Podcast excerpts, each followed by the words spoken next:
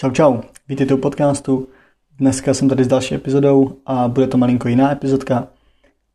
Povíme si, co to je americký úsměv, nebo to, čemu já říkám americký úsměv. Probereme si jeho smysl a jeho využití v běžném životě.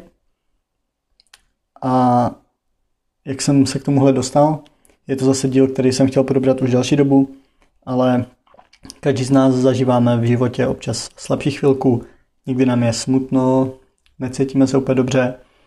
a právě tady tahle maličkost, tahle jednoduchá věc, kterou může udělat úplně každý, nám může malinko zlepšit život a udělat ho příjemnější. Takže co se skrývá za názvem americký úsměv? Kdybych vám to měl něčemu přirovnat, tak ten název, jak už o sobě vypovídá, když se podíváte na americký a na američany obecně, na třeba ty celebrity v Americe, tak přesně tady ten, jak to říct, fake úsměv, který udělají na ty fotky a obecně kolikrát se ty lidi tváří tak strašně přátelsky, tak strašně jako hodně a, a všechno, všechno jenom pro vás. Tak právě tady ten úsměv od ucha k uchu zazu, zazubený, tak tomu se říká americký úsměv. A co to teda je? Tak jak už jsem říkal, když se cítíte špatně a ne, nemáte dobrý den, a jakmile si stoupnete k zrcadlu a usmějete se sami na sebe v tom zrcadle, vynutíte v podstatě ten úsměv, tak když tady v tomhle stavu se trváte nějakou dobu, tak v začátku pro vás to je nepříjemný, nechcete se usmívat, protože máte špatný den, ale jak se na sebe díváte a vidíte sami sebe, jak se usmíváte, tak eh, v to ve vás začne vyvolávat lepší pocity, začne se, začnete se cítit líp a nakonec ten úsměv přejde v něco, co už je pro vás přirozený, co už, eh, ačkoliv to bylo začátku předstíraný, tak dneska už jste eh, s tím v pohodě, zžili jste se jako s tím úsměvem a najednou je to přirozený a je to, je to od vás a je vám to příjemný a máte o něco lepší den a zase zvene se vám hladina raz, dva, tři, serotoninu. A je to příjemnější, cítíte se líp, takže je to taková maličkost, kterou si můžeme zpříjemnit uh, horší dny, slabší chvilky, když si jdeme prostě k zrcadlu a jenom se usmíváme sami na sebe. A za chvíli bychom se díky tomuhle měli cítit líp.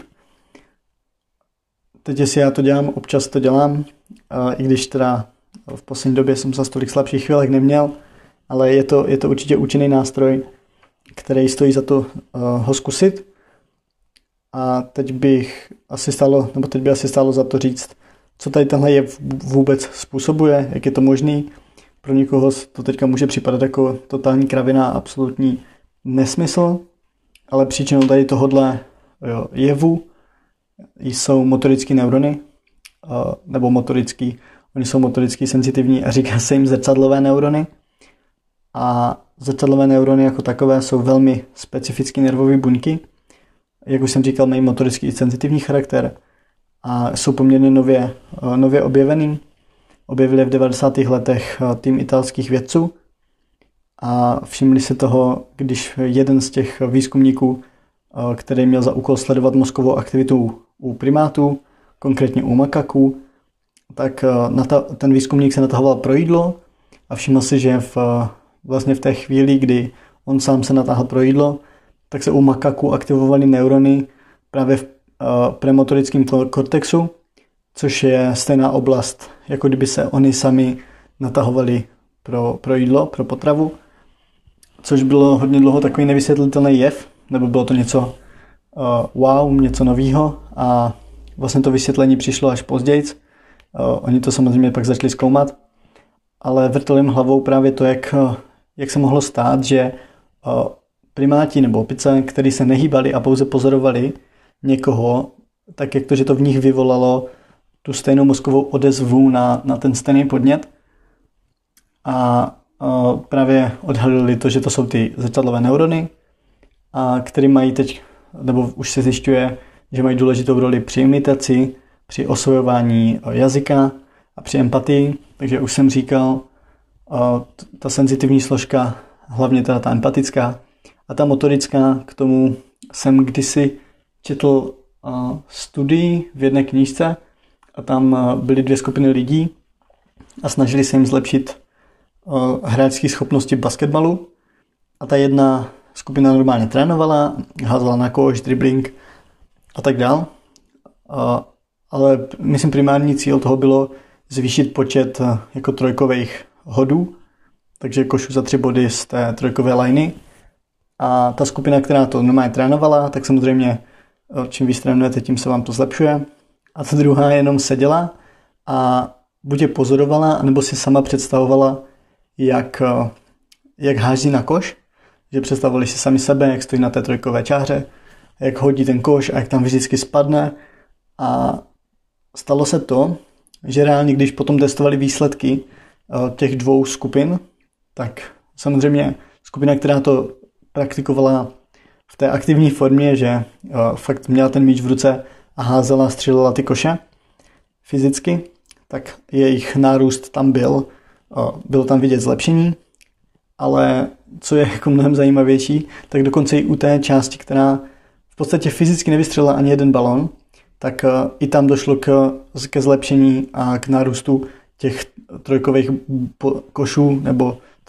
těch třibodových hodů, což je absolutně hustý, když jsem to četl, že vlastně vy si můžete takhle, nechci říct, že když nebudete v životě běhat, budete si sami představovat, že eh, jako se to pak reálně stane, ale nějaká vizualizace a právě to představování díky tady těmhle zrcadlovým neuronům nám může malinko zvýšit eh, náš výkon i v běžném životě, i při tom, když reálně neto necvičíme nebo neděláme tu činnost.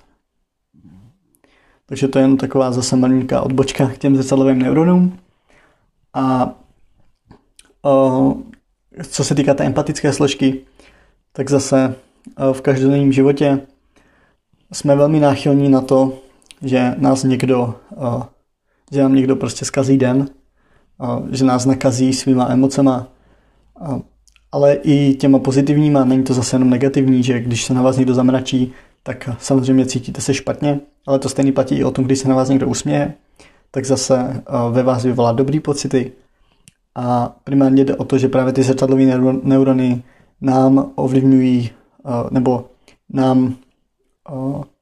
no, můžu říct, ovlivňují život v tom smyslu, že nás právě ovlivňují lidi kolem sebe, že to vnímáme, že my můžeme ovlivňovat ostatní a ostatní můžou ovlivňovat nás. Další věc, kterou bych chtěl, abyste si na, tady eh, díky tomuhle povídání odnesli, je, eh, že se můžete učit eh, novou činnost pozorováním druhých. Takže kolikrát se třeba říkalo, když přijde na trénink a jste třeba zranění nebo něco, tak trenér vás pošle jenom udělat něco jako jednoduššího, jenom se třeba protáhnout, nebo, nebo se jenom kouknout na ten trénink. A ačkoliv byste řekli, že tam prostě jenom zevlujete a neděláte absolutně nic, tak i tím tréninkem, že jste v tom prostředí, tak, eh, tak vás to ovlivňuje a můžete, eh, ačkoliv se to nezdá a zní to prostě úplně šíleně, tak i přitom se zapojete do toho procesu, pokud vědomě si to, eh, se snažíte si z toho něco vzít, pokud si představujete sami, jak děláte stojku, ale teď nemůžete, protože máte zlomenou ruku, tak neříkám, že jakmile vám pak sundají sádru, že to budete na stejné úrovni, jak jste byli dřív, ale uh, pravděpodobně tam nebude takový skok potom. Takže to je jenom zase něco nového, nějaký nový podmět na přemýšlení. Klidně si o tom něco zjistěte, mrkněte se na studie, ale už to začíná být vědecky podložený